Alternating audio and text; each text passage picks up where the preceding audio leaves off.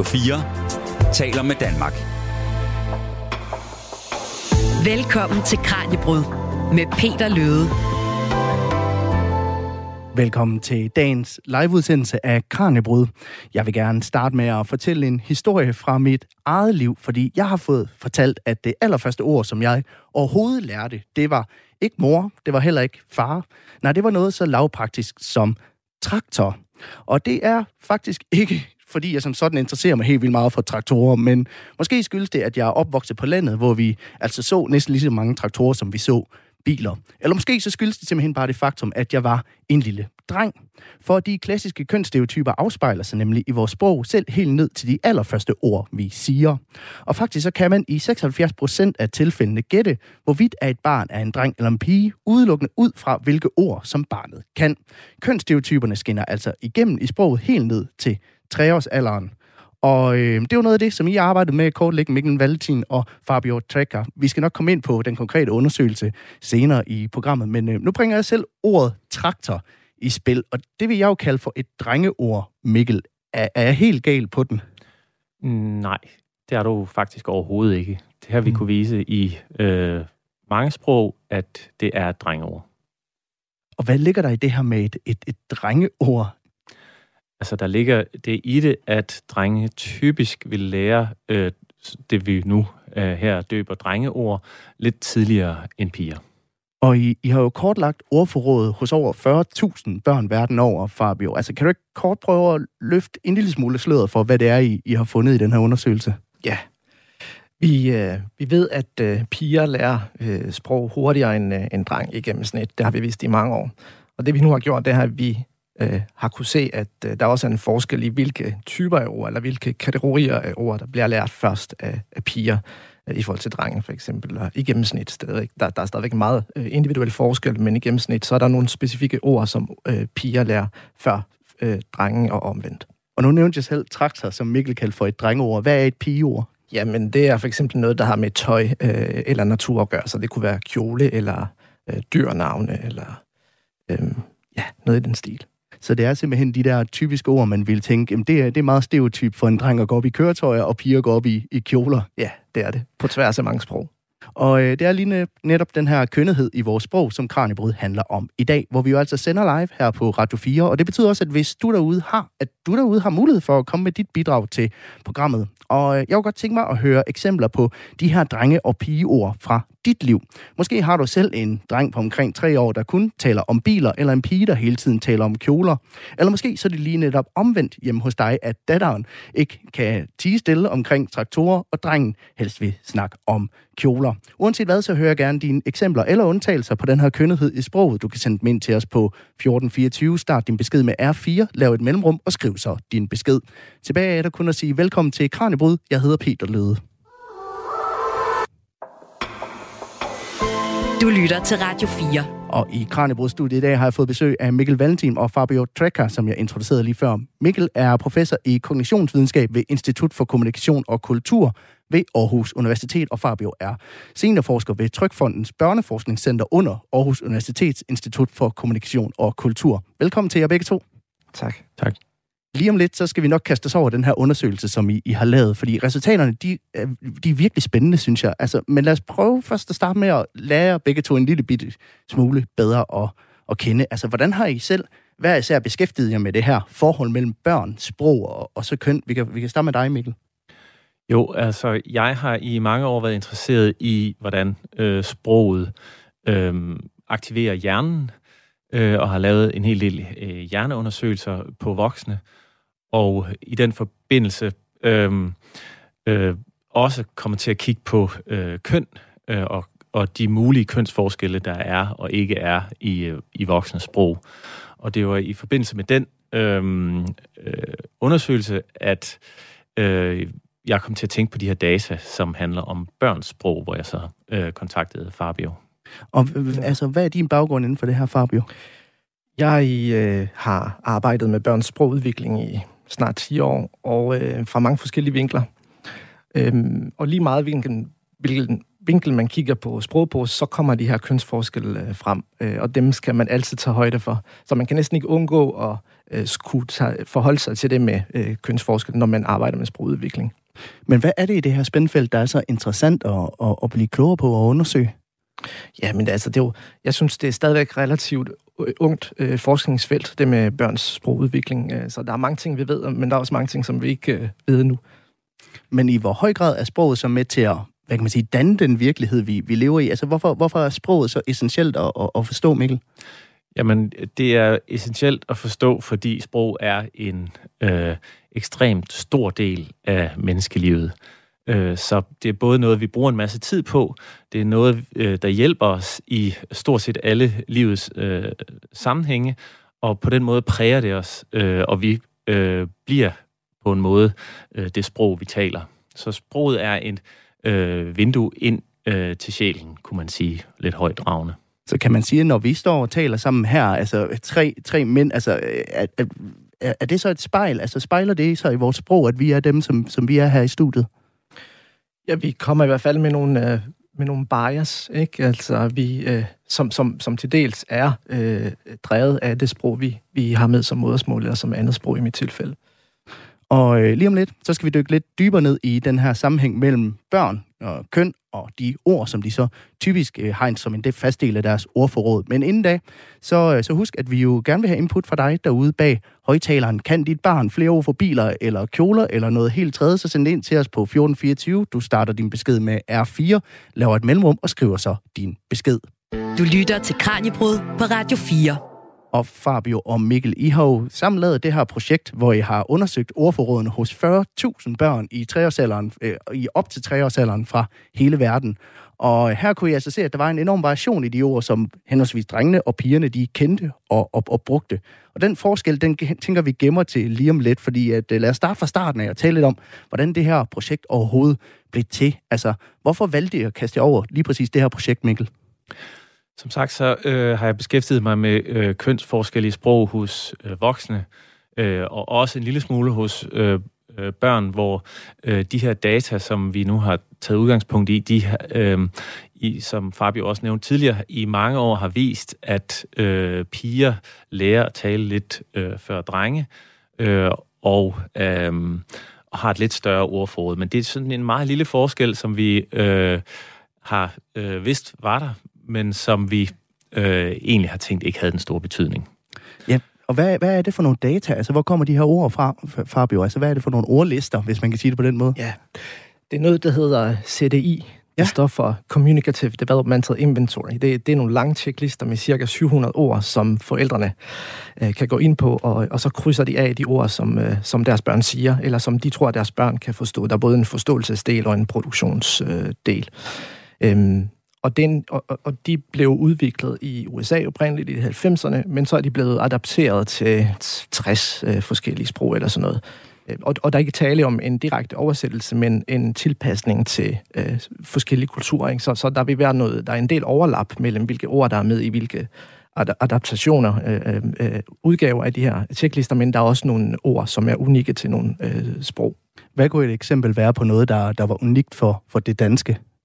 Øhm, jamen, øh, rugbrød er med i det danske, men ikke i det, i det meksikanske. De har til gengæld tortilla, og det har vi ikke. Så det, så det, det er meget kulturspecifikt.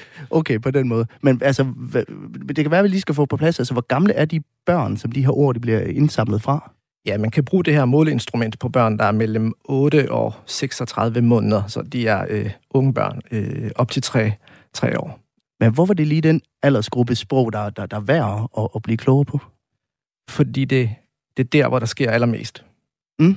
Alt, den basale del af sprogtilegnelse er øh, stort set på plads, når, på plads, når et barn fylder 3-4 år. Ikke? Eller det skulle det gerne være i hvert fald. Og øh, ud fra de her ordlister, der er så skabt sådan nogle ordskyer, hvor man kan se, hvad er det for nogle ord, der bliver brugt mest hos henholdsvis drenge og piger, Mikkel. Altså, hvordan har I analyseret den her data helt konkret? Har I siddet og talt, eller, eller hvad har I gjort?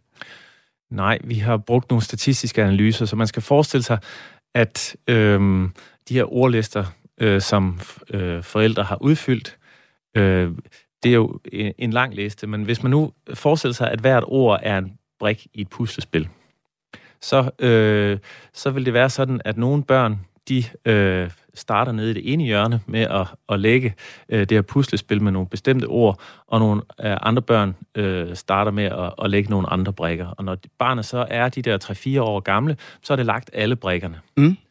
Og øh, hvis man bruger det billede øh, af sådan et puslespil, som, som børnene er i gang med at lægge, øh, og så kigger på øh, den alder, de har, så kan man begynde at se, jamen er der nogle mønstre i, hvad for nogle brækker øh, drengene har lagt øh, tidligt, og hvad for nogle øh, øh brækker pigerne har lagt. Så, så hvis man, øh, det kan man bruge forskellige statistiske analyser til, og så forsøge at lave en eller anden form for øh, billedgenkendelse eller mønstergenkendelse af de her øh, puslespil, og det kan man så bruge til at prøve at sige, okay, er der, er der en forskel på, øh, hvilke ord øh, drengene siger først, og hvilke ord pigerne siger? Og man kan sige, en ting er vel, om man siger ordet, men noget andet er vel, om man, om man bruger det. Altså, kan man sige noget om, hvor i hvor høj grad de bruger de her ord i, i hverdagen, børn, eller om det er bare et ord, de kan? Altså, den her øh, undersøgelse, den siger kun, at forældrene har hørt øh, øh deres barn sige et ord. Det siger ikke, om, øh, om de har hørt det sige, barnet sige det én gang eller 500 gange. Og det er jo en af svaghederne ved, ved den her type undersøgelse, øh, men det gør også, at data får en, en overskuelig, et overskueligt format, så vi kan analysere på det. Og øh, nu har vi jo åbnet lidt for resultaterne allerede, men jeg tænker, I selv skal have lov at præsentere, hvad det var, I konkret fandt ud af. Altså, hvad var det konkret, I opdagede, da I havde analyseret den her data, Fabio? Eller Mikkel? Det kan være, at du vil tage det. Ja, altså, øh, som sagt, så har vi vidst længe, at øh, piger har et lidt større ordforråd end drenge, og hvis man bruger den her øh, analysemetode, så kan man sige, at det, det kan man bruge til at gætte øh, barnets køn med, øh, og så vil man gætte rigtigt omkring øh, 55 procent øh, gange. Så det siger ikke så meget, altså så vil man gætte forkert rigtig mm. mange gange.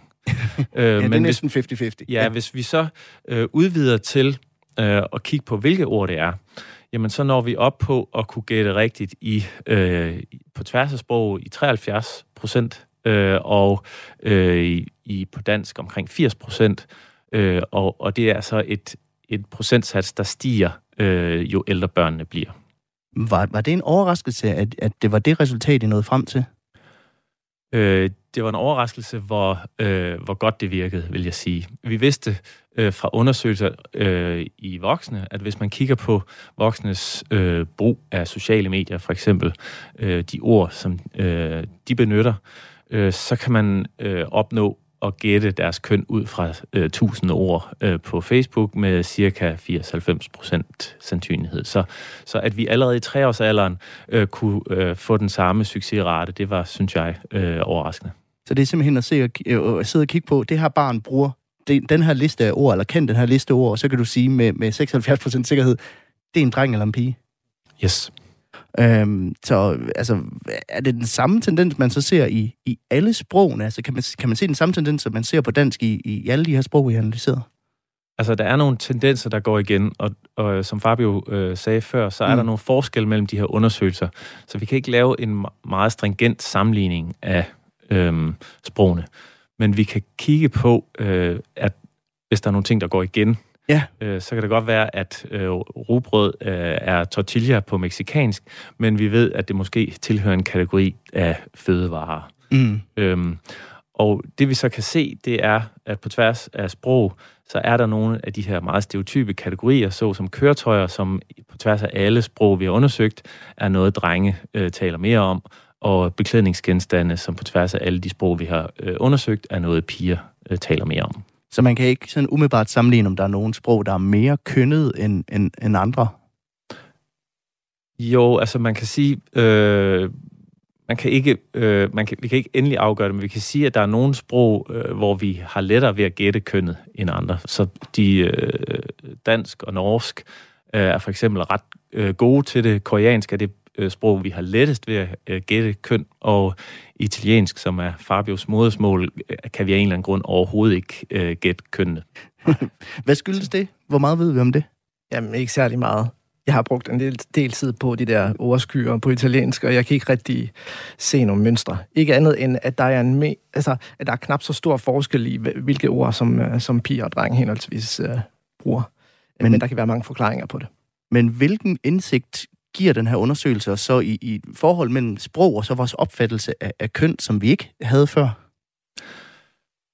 Øh, ikke nødvendigvis nogen afgørende ny øh, opfattelse, men det giver os et redskab til at kigge på det. Som sagt er øh, sproget jo, som jeg prøvede at påstå, et, et vindue ind i sjælen. Mm. Så her har vi i kraft af, at vi nu øh, kan bruge nogle, vi kan sætte nogle ord på, øh, hvordan sjælen hos øh, en etårig, eller en toårig, eller en treårig øh, dreng eller pige fra øh, Danmark, Norge eller Korea øh, ser ud. Mm. Og øh, apropos det, så har vi fået et eksempel ind på sms på 1424, og det, det er måske meget godt det her med, at det giver et lille indblik i, hvad er det for en sjæl, vi har med at gøre. Det er nemlig en lytter, der skriver, Emils første ord og hans modersmål, det er dansk tegnsprog.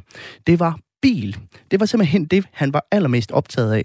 Og så skriver hun selvfølgelig også, alt, tak for jeres altid inspirerende og lærerige program. Men det er vel det er typisk drengeord, bil. Det tilhører den her kategori af køretøjer. Øh, og, og noget af det, der, hvis jeg må sige det, er mm. interessant ved tegnsprog jo, er, at det er øh, øh, et eksempel på, hvor radikalt forskellige øh, sprog kan være.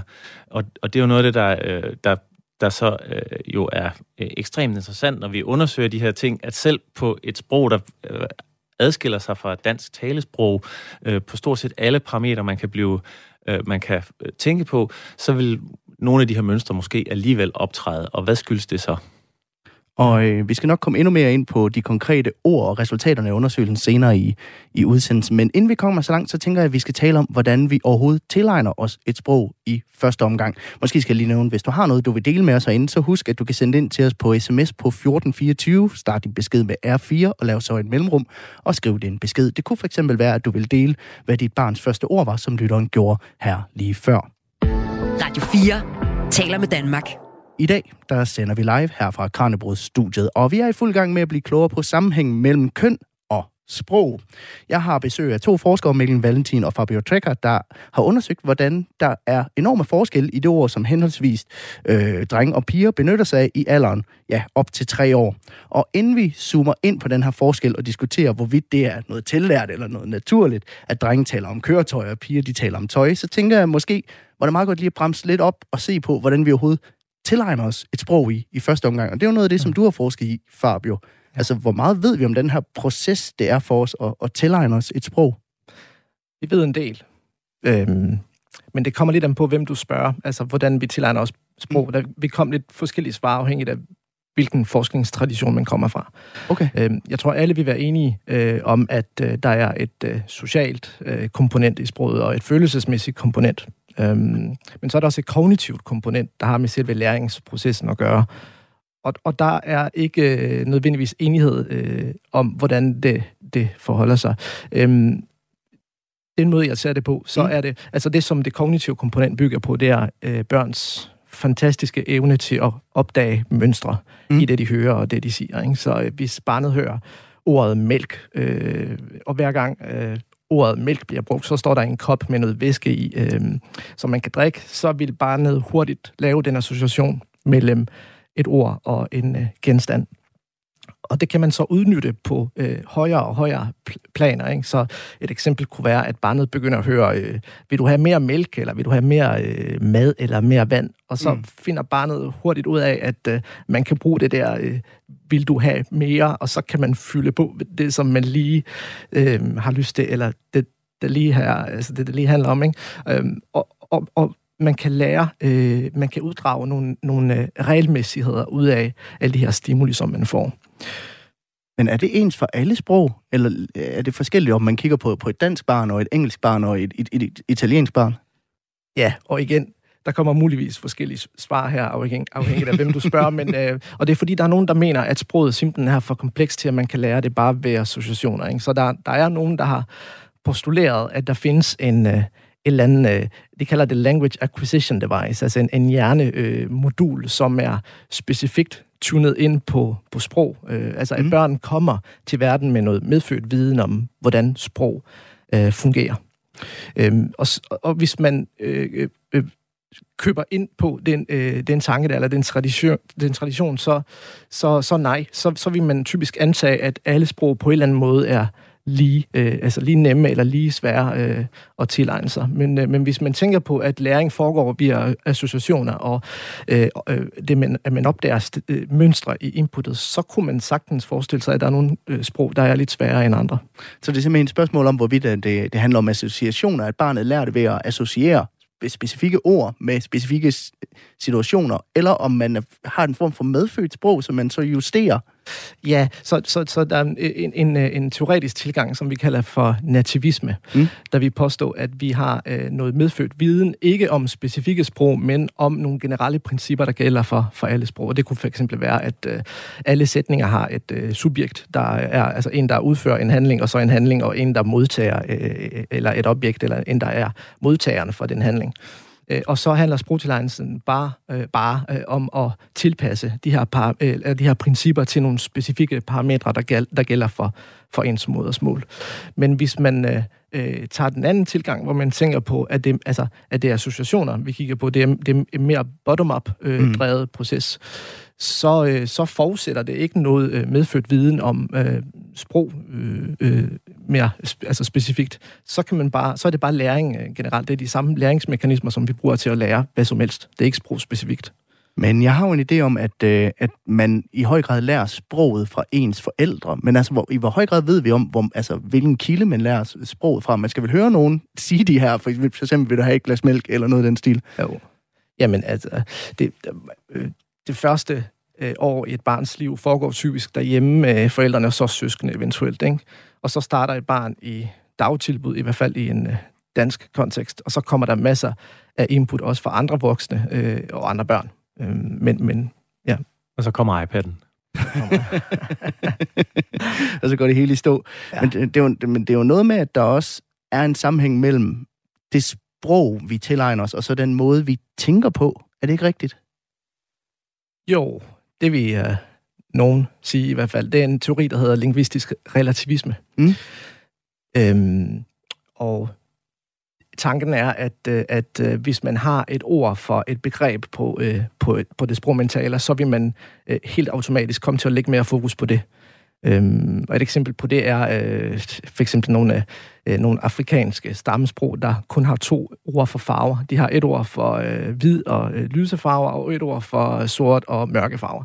Og så kan man tænke, okay, betyder det så, at de kun ser verden i sort og hvidt, eller at de ikke opfatter farver på samme måde, som vi gør? Øhm, og, og det gør de sikkert, fordi at vi har samme biologi. Men når man så kommunikerer med hinanden omkring farver, så kommer man helt automatisk til at lægge vægt på nogle andre elementer. Øhm, ja, der er en, undersøgelse, der har vist, at øhm, sprog, der ikke skinner mellem grøn og blå, øh, er øh, ikke altså folk, der taler det sprog, de er ikke lige så gode til os til at huske øh, øh, forskel i farver, når det handler om øh, altså forskel mellem grøn og, og blå. Så det er det der med, at det, igen, at det er sproget, der simpelthen afspejler vores, vores virkelighed på en eller anden måde, men også skaber vores vir- virkelighed på den, på den anden side. Det er noget, der hjælper os med at systematisere det, vi oplever. Et, og, hvis jeg må bryde ja, ind, så et andet eksempel, det er som, øh, som hvad hedder det, øh, lytterne øh, og, og vi her i studiet kunne, øh, kunne prøve, det er at lukke øjnene og så pege mod nord. Ja. Øh, det vil øh, rigtig mange øh, danskere have vanskeligt ved, øh, fordi at det er ikke noget, vi øh, bruger i vores sprog ret tit, men der findes øh, sprog, hvor at man får at udpege ting, så skal man bruge øh, øh, sådan nogle øh, retninger, kardinal øh, retninger, som vi kalder dem, øh, som nord og syd. Så man siger, øh, glasset står øh, nord for koppen. Øh, og det vil sige, hvis ikke man ved, hvor nord er henne, så kan man ikke tale med, øh, med hinanden, fordi at det er, det er indarbejdet i sproget. Vi i vores kultur mm. har så ord for venstre og højre, og det vil vi typisk opfatte som naturligt, men faktisk er det noget, børn øh, er 7-8 år, før de øh, lærer, og mange voksne har faktisk stadigvæk øh, vanskeligt ved det. øh, så det siger noget om, at de her øh, ting, som, som vores øh, sprog øh, har, de er med til at, at, at øh, tvinger os til at, at lære nogle ting, som man ikke nødvendigvis ville have lært, hvis man ikke havde de ord. Og øh, vi har fået en sms ind med et, øh, et spørgsmål. Det er en lytter, der spørger, jeg ved ikke, om der er noget på det, men kan det passe, at børn lærer at tale senere i dag, end da jeg var barn i start 90'erne? Han mener, øh, lytteren hedder Rasmus, Rasmus mener, at øh, han talte stort set rent, da han var to-tre år. Og jeg ved ikke, om I kan svare på det, men måske skal vi tale lidt om det her med, altså, om der er forskel i det tidspunkt, hvor henholdsvis drenge og piger begynder at tale, fordi vi har talt om forskellen i ordforråd, men altså er der forskel på, hvornår en dreng og en pige siger deres første ord? Øhm, der er lidt forskel i, hvor hurtigt mm. øh, drenge og piger opbygger et ordforråd. Men som Michael nævnte før, så er der nogle små forskel. Det vil sige, at hvis vi kigger på øh, øh, ja, måske 95, nej, 85, ja, 85 procent af de børn, der ligger i midten af den her fordeling, så kan man ikke skelne mellem drenge og piger. Så er der ikke nogen forskel i, i hastigheden af opbygningen af overforrådet. Men så vil der være nogle børn, der er meget, meget hurtige, og de vil så typisk være piger for det meste. Og så vil der være nogle børn, der er meget langsomme, og de vil så være drenge øh, i de fleste tilfælde. Så det er nogle små forskelle, der kun gælder for, for øh, enderne af den her øh, øh, fordeling. Men nu taler vi om køn og sprog i dag også. Altså, er der, er der en forskel på den måde, som hen, altså, drenge internaliserer sproget, hvis man kan bruge det ord, og så den måde, som piger gør det på? Eller er processen med at lære det stort set den samme? Ja, det er ikke noget, som øh, jeg har øh, øh, data på. Øhm, øh, jeg, vil, jeg vil forestille mig, at det er den samme proces, øhm, men, men så er der sikkert nogle, nogle biologiske øh, og øh, kulturelle øh, påvirkninger, øh, faktorer, der påvirker processen i forskellige retninger. Ja, for hvordan er det her tidlige sprog så med til at påvirke den måde, vi, vi ser verden på, når vi, når vi bliver ældre, tænker jeg? Altså, det må jo være her fundamentet til, hvordan man ligesom mm. øh, beskriver den verden, man lever i, det, det bliver grundlagt. Vi har alle sammen set, øh, eller dem, der har, dem af os, der har børn i hvert fald, der har haft med børn at gøre, vi har set et barn, der sidder alene og, og leger og, og, og, og snakker øh, med sig selv, taler højt, ikke? Mm. Øhm, og det er fordi, at sprog, sproget både har en kommunikativ funktion, men også en, en øh, organiserende funktion i forhold til tænkning. Og den øh, tale, øh, som, øh, som vi oplever fra børn, hvor de sidder og taler øh, til sig selv, den bliver så stille og roligt internaliseret, det bliver til, til tanker. Øh, men det gør så, at tankerne bliver struktureret på en sproglig basis. Ikke? Mm. Øhm, så jeg ved ikke, om Mikkel er enig med mig i det her, eller måske kan du nuancere det her, men, øh, men jeg tænker, det er der, hvor man lægger fundamentet for, hvordan man kommer til at tænke og opfatte verden i, i resten af sit Altså simpelthen, hvilke kasser man skal putte forskellige ting ned i. Ja, præcis.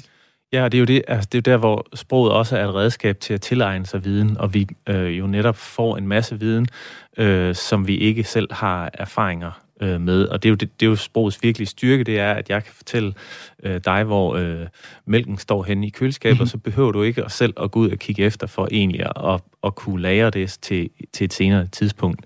Øh, og, og, og på den måde, så, øh, som Fabio siger, så strukturerer øh, sproget vores viden, fordi at vi også bruger en masse kræfter på at hæfte markader på øh, ting ude i verden, sådan at vi, at vi kan genkende dem og kommunikere dem.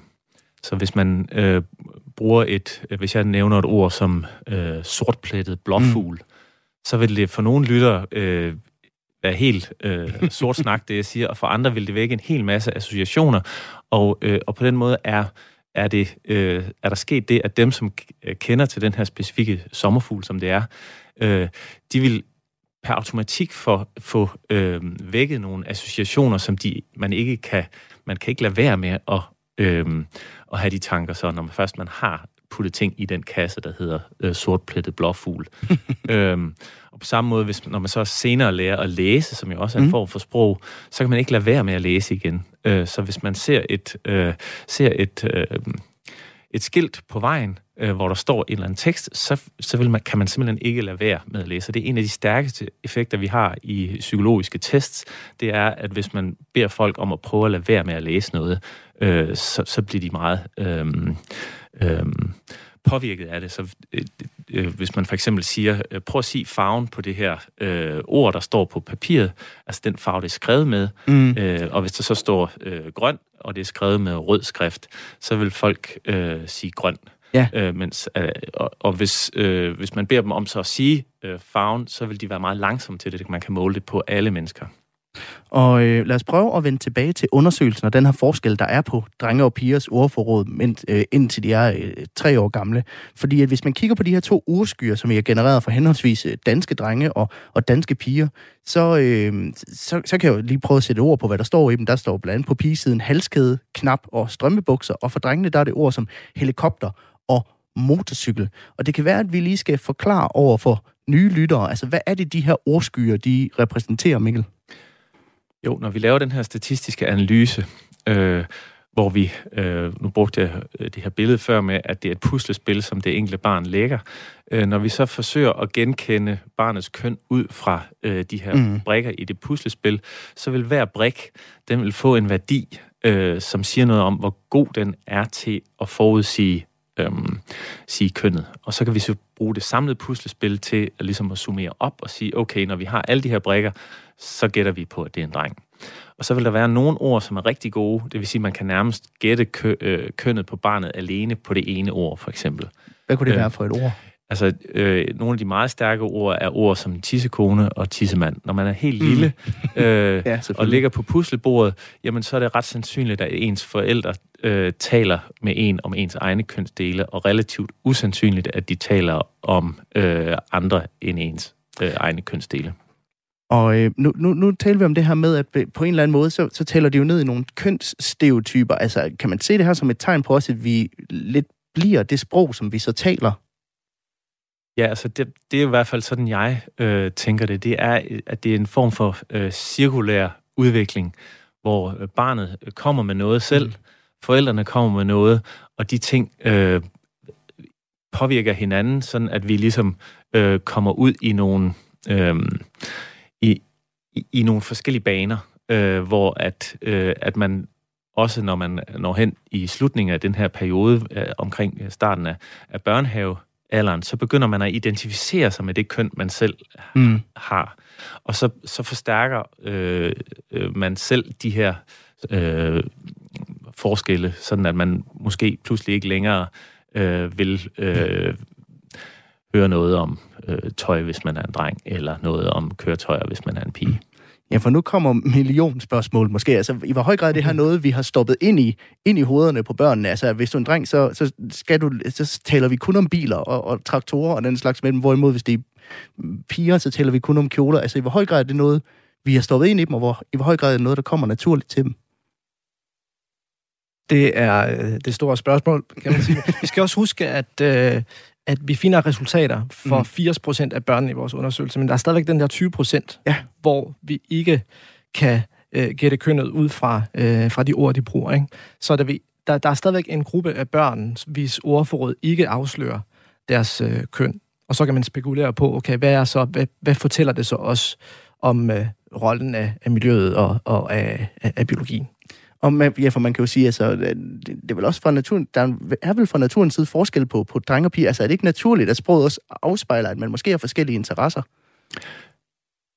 Jeg tænker, at det er, spørgsmålet er interessant, men det er på en måde forkert stillet. Mm. Øh, fordi at øh, menneskets natur er at være kultur.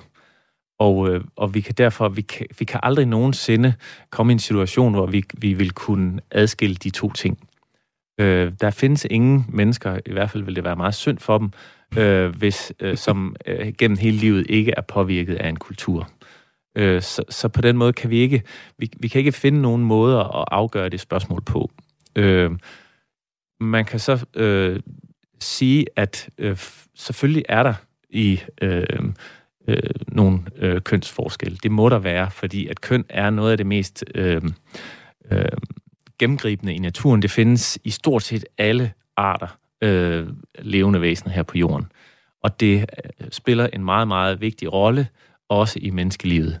Øh, så der vil, være, der vil selvfølgelig være nogle øh, kønsforskelle, øh, og øh, ikke så mærkeligt, øh, mm. så har rigtig mange af de kønsforskelle har noget at gøre med køn.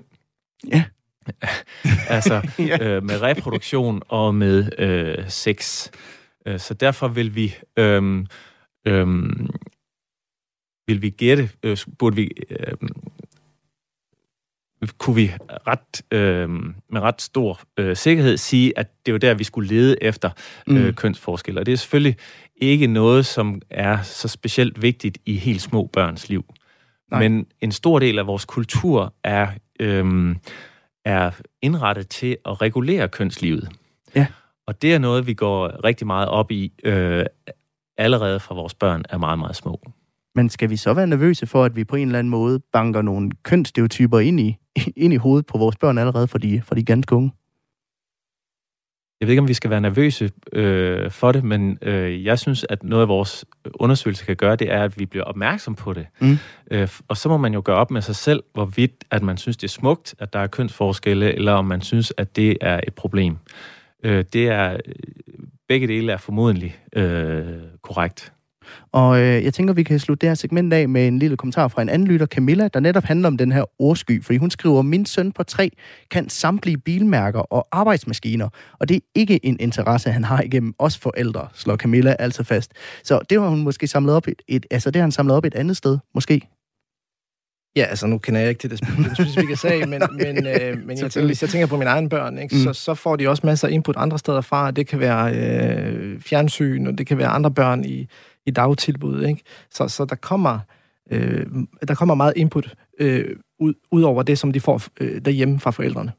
Og øh, hvis du har et lignende input, så tør ikke med at sende det ind til os på 1424. Start din sms med R4, lav et mellemrum og send det til 1424.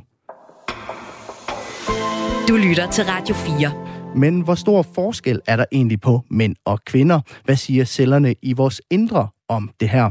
Det er noget af det, som Claus Højberg Gravholdt han arbejder med. Han er professor ved afdelingen for hormon- og knoglesygdomme på Aarhus Universitetshospital.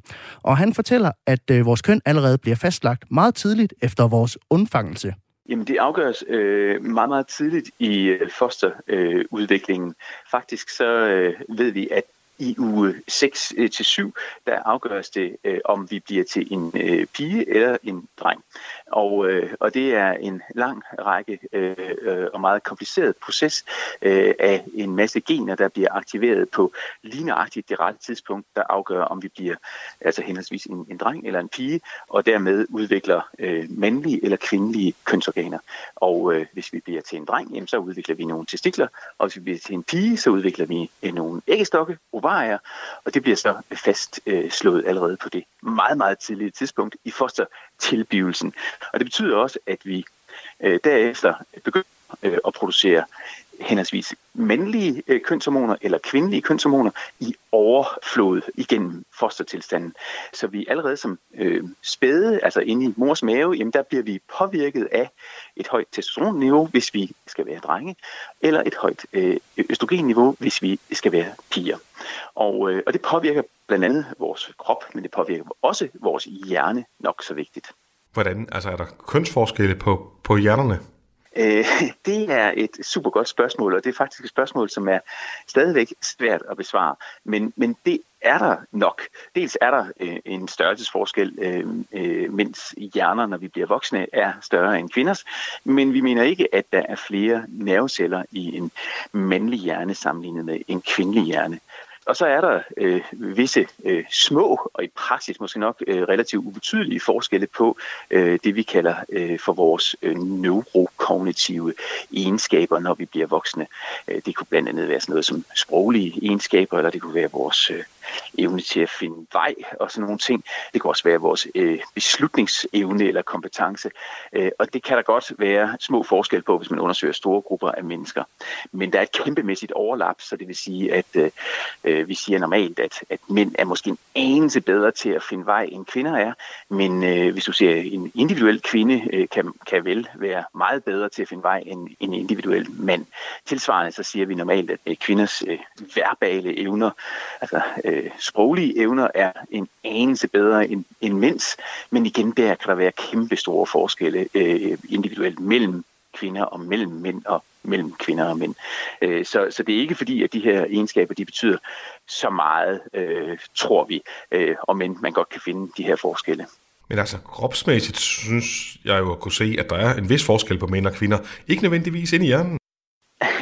Ja, men altså, det er, det, øh, altså der, der sker rigtig meget med, øh, med altså med kroppen er, er, jo, er, jo, er jo ret nemt at se, øh, fordi at, at mænd har for eksempel en større muskelmasse end, end kvinder, mens kvinder omvendt har en større øh, fedtmasse end, end mænd. Og sådan skal det, det være for, at vores, øh, øh blandt andet vores hormonsystemer fungerer optimalt og sådan nogle ting. Øh, og det er betinget af, af de øh, øh, forskelle, der er mellem mænd og kvinder i vores kønshormonsniveauer. Mænd har væsentligt højere testosteronniveau end, end kvinder, og kvinder har noget højere østrogenniveau end mænd. Men det er jo vigtigt at sige, at øh, kvinder laver også testosteron og har god brug af det, mens mænd også laver østrogen og har rigtig god brug af det også. Men kan vi altid altså afgøre ud fra udseende, om det er en mand eller en kvinde?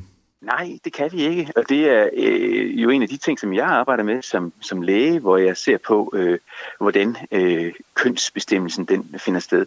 Så når jeg skal afgøre kønnet hos en, en, en person, jamen så vil jeg både kigge på, hvordan kromosomerne de er skruet sammen. Normalt har en mand 46XY, det vil sige, at man har et øh, Y og et X-kromosom, mens en kvinde har øh, 46XX, altså to X-kromosomer.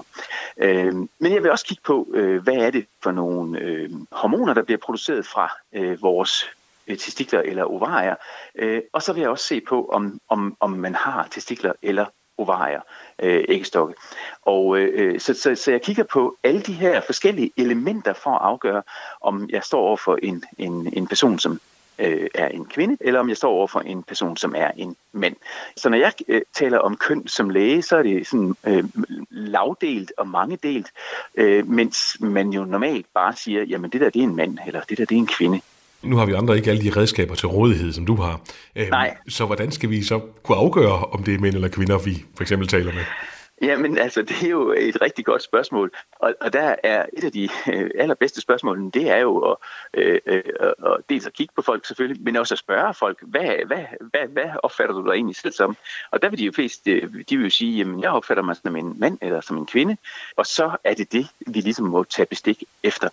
Øh, så, så jeg, øh, det er jo ikke sådan, at jeg, øh, fordi at jeg ved, at kromosomerne siger et, og måske øh, øh, der er tilstedeværelse af testikler, eller hvad det nu kan være, at jeg så siger til personen, jamen du er da en mand, hvis de fortæller mig, jamen jeg er da, øh, opfatter mig selv som en kvinde, og ser også ud som en kvinde, så er det jo det, jeg går med. Jeg siger ikke til folk, hvad de er. Jeg spørger dem, hvad de er.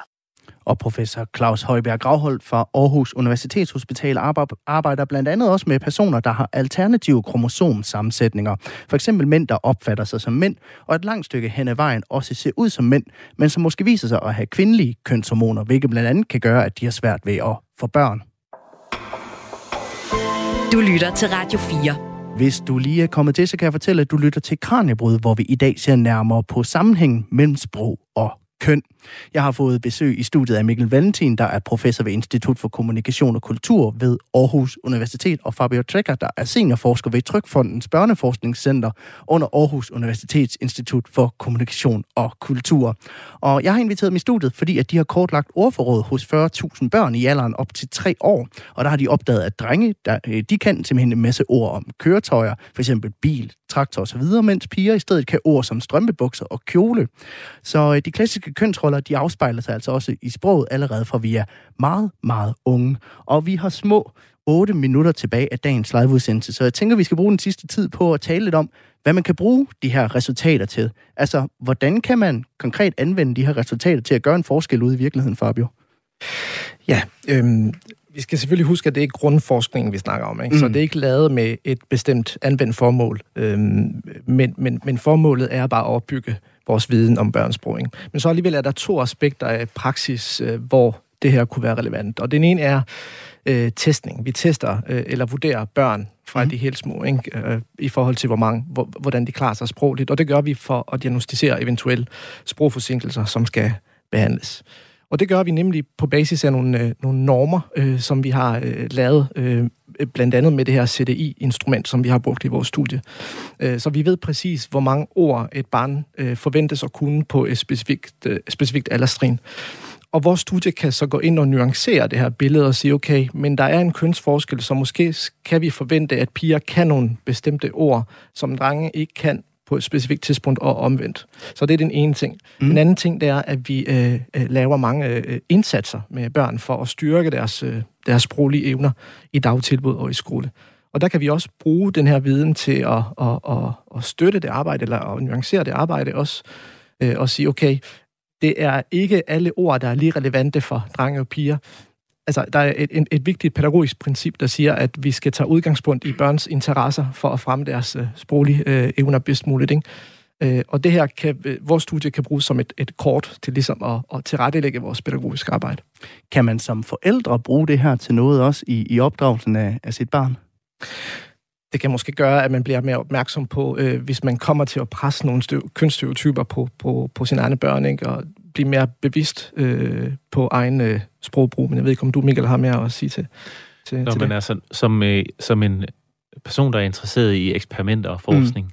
så øh, vil jeg jo øh, være nysgerrig på, øh, hvad øh, mit eget barn, øh, øh, hvordan det vil reagere på at blive udsat for nogle af de stereotyper øh, fra henholdsvis øh, det, dets eget køn og det modsatte køn, for at se, om, om, om man kan se øh, de her responser hos ens eget barn. For på den måde vil man jo få en måske en idé om, hvor stereotyp øh, øh, barnet er, og om, om det er noget, der ligesom er øh, kommer fra barnet selv, eller noget, man, øh, man har, øh, har trukket ned over hovedet på det. Øh, måden, man måske, måske ikke kan afgøre det på, mm. det Mm. er ved at sørge for, at barnet har blevet udsat for forskellige typer øh, påvirkning. Ja, for kan det her hjælpe os også med at nedbryde nogle af de her stereotyper i, i, i kraft af, at vi, vi ved, de er til stede i sproget? Jamen måske, altså det der er jo det, øh, en af de interessante ting ved vores øh, undersøgelse, det er, at vi jo til synligheden finder nogle af de samme stereotyper på tværs af alle de sprog, vi øh, undersøger. Om det så er i Asien, i Mellemamerika eller i øh, Nordeuropa. Øh, og, og det kunne jo tyde på, at, at, øh, at der er et eller andet, som, øh, som er, er øh, næsten universelt. Om det så er, øh, at vi har en universel kultur efterhånden, mm. som Mhm. gør, at øh, alle har set øh, de samme øh, amerikanske tv-serier, og derfor indretter, at vi indretter os efter det, eller om det er noget, som kommer i kraft af det her øh, biologiske køn. Det, det kan vi ikke afgøre. Men, øh, men det er et interessant spørgsmål at, at blive ved med at, at, at bore i. Men skal vi tænke over, Fabio, altså hvilke ord vi bruger over for vores børn, altså så vi undgår, at de falder i, i en eller anden kønskasse, eller skal vi bare øh, lade, dem, lade børn være børn? Ja, både og. Mm. Det skal heller ikke være sådan, øh, at det bliver kunstigt, den måde, vi taler på, øh, med vores børn på. Øhm, så er det fint at være opmærksom på de her stereotyper, ikke? men uden at de kommer til at, at, at, at påvirke vores øh, interaktioner med børnene. Ja, for hvad kan man gøre for at undgå, at man kønner sine børn i, i sproget? Ja, der er mange øh, steder, hvor man kan øh, øh, vælge, øh, mm. hvor, hvor man kan komme til at, at presse nogle stereotyper på. Det er for eksempel, når vi vælger, hvilke bøger børnene skal læse, eller hvilke øh, YouTube-kanaler vores børn får lov til at se. Ikke? Så, så der er mange øh, tidspunkter i løbet af dagen, hvor vi kan være mere opmærksom på, okay, hvad er det, vi, vi, vi vælger? Hvad er det for noget indhold, som vores børn får øh, lov til at se, eller til at læse, eller til at høre? Ja, for jeg tænker også, altså Mikkel, at de her stereotyper, er de nødvendigvis en skidt ting? Ikke nødvendigvis. Man kan sige, noget af det, som øh, øh, vores undersøgelse viser, det er jo det her med, at piger lærer noget om øh, beklædningsgenstande øh, Mm. hurtigere end drenge.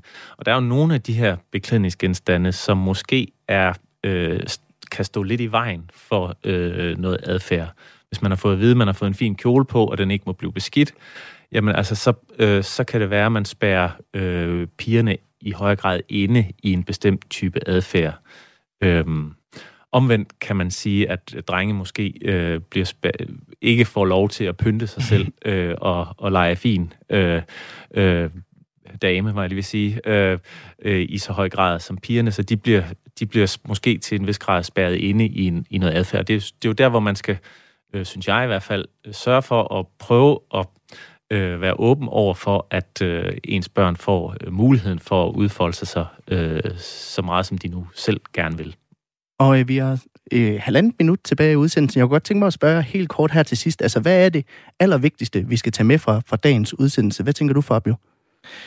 Jeg tænker, at, øh, at sprogudviklingen det er noget af det vigtigste, som, øh, som vores børn oplever. Øh, lige meget om de er drenge eller piger, så vi skal gøre vores bedste for at støtte processen undervejs. Og hvad tænker du, Mikkel?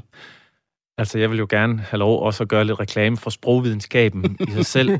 Altså, at det at interessere sig for sprog er ekstremt vigtigt. Og forske i sprog er ekstremt vigtigt, fordi at det kan bruges til at sige så mange øh, ting omkring vores liv og vores samfund og alt muligt andet.